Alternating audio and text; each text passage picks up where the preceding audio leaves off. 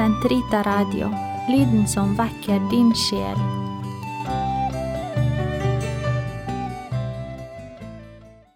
Den katolske kirkes katekisme, uke 43, søndag 2366 til 2372. Fruktbarhet i ekteskapet. Fruktbarhet er en gave, et mål for ekteskapet. For ekteskapet er fruktbart av natur. Barnet kommer ikke utenfra og inn i ektefellenes kjærlighet til hverandre. Det springer ut fra selve hjertet i den gjensidige hengivelse som det er en frukt og en fullbyrdelse av.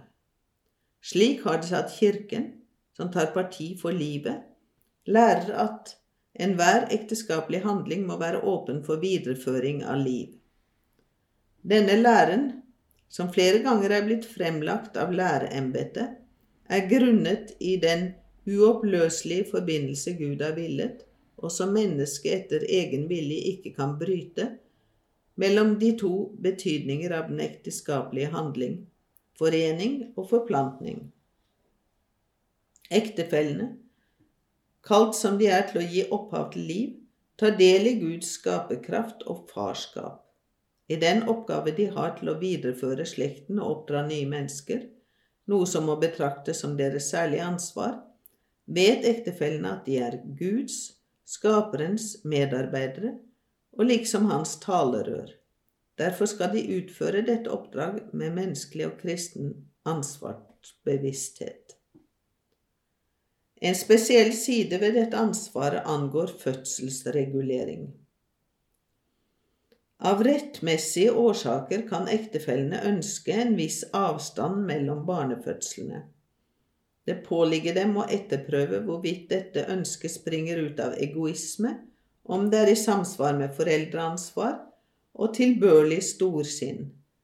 Dessuten må de tilpasse sin handlemåte etter de objektive moralkriterier.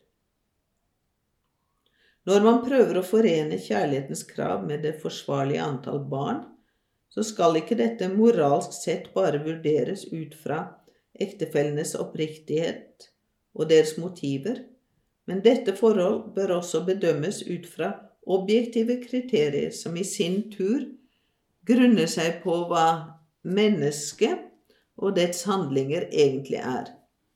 Disse kriterier bygger på en rett forståelse av alt hva ektefellenes gjensidig hengivelse og en menneskeverdig frembringelse av nytt liv innebærer i en sammenheng av sann kjærlighet. Og dette lar seg ikke gjøre uten at ektefellene oppriktig besinner seg på et rent og menneskelig seksualliv. Det er å ivareta disse to vesentlige sider, samliv og forplantning, at en ekteskapelig handling fullt ut bevarer sin mening som gjensidig og sann kjærlighet og sin innordning under menneskets meget høye kall til å være foreldre avhold i perioder, fødselsreguleringsmetoder bygget på egenobservasjoner og bruk av ufruktbare perioder, er i samsvar med objektive moralkriterier. Slike metoder respekterer ektefellenes kropp, oppmuntrer til ømhet dem imellom og fremmer utviklingen av sann frihet. Derimot er enhver handling i seg selv dårlig som enten i forkant av den ekteskapelige handling eller i løpet av den eller under utviklingen av dens naturlige følger, har som mål eller middel å umuliggjøre forplantning.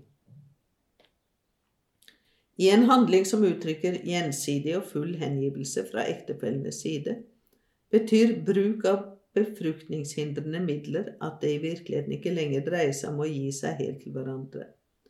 Av dette følger ikke bare at man positivt nekter å åpne seg for videreføring av liv, men den indre sannhet i det ekteskapelige samliv forfalskes fordi det skal være hengivelse av hele personen. Denne antropologiske og moralske forskjell mellom kunstig befruktningshindrende midler og bruk av periodiske rytmer bærer i seg to oppfatninger av mennesket og den menneskelige seksualitet som gjensidig utelukker hverandre. måtte alle innse at menneskelivet og det oppdraget å gi det videre ikke bare angår denne verden og ikke lar seg måle eller forstå ut fra denne verden alene, men alltid må sees i forhold til menneskets evige bestemmelse. Staten har ansvaret for borgernes velferd. Derfor har den rett til å gripe inn for å påvirke befolkningsstrukturen. Den kan gjøre det gjennom objektiv og respektfull informasjon, men absolutt ikke ved autoritære tvangsmidler. Staten har ikke lov til å sette seg i ektefellenes sted, for det er de som er de første ansvarlige for forplantning og barneoppdragelse.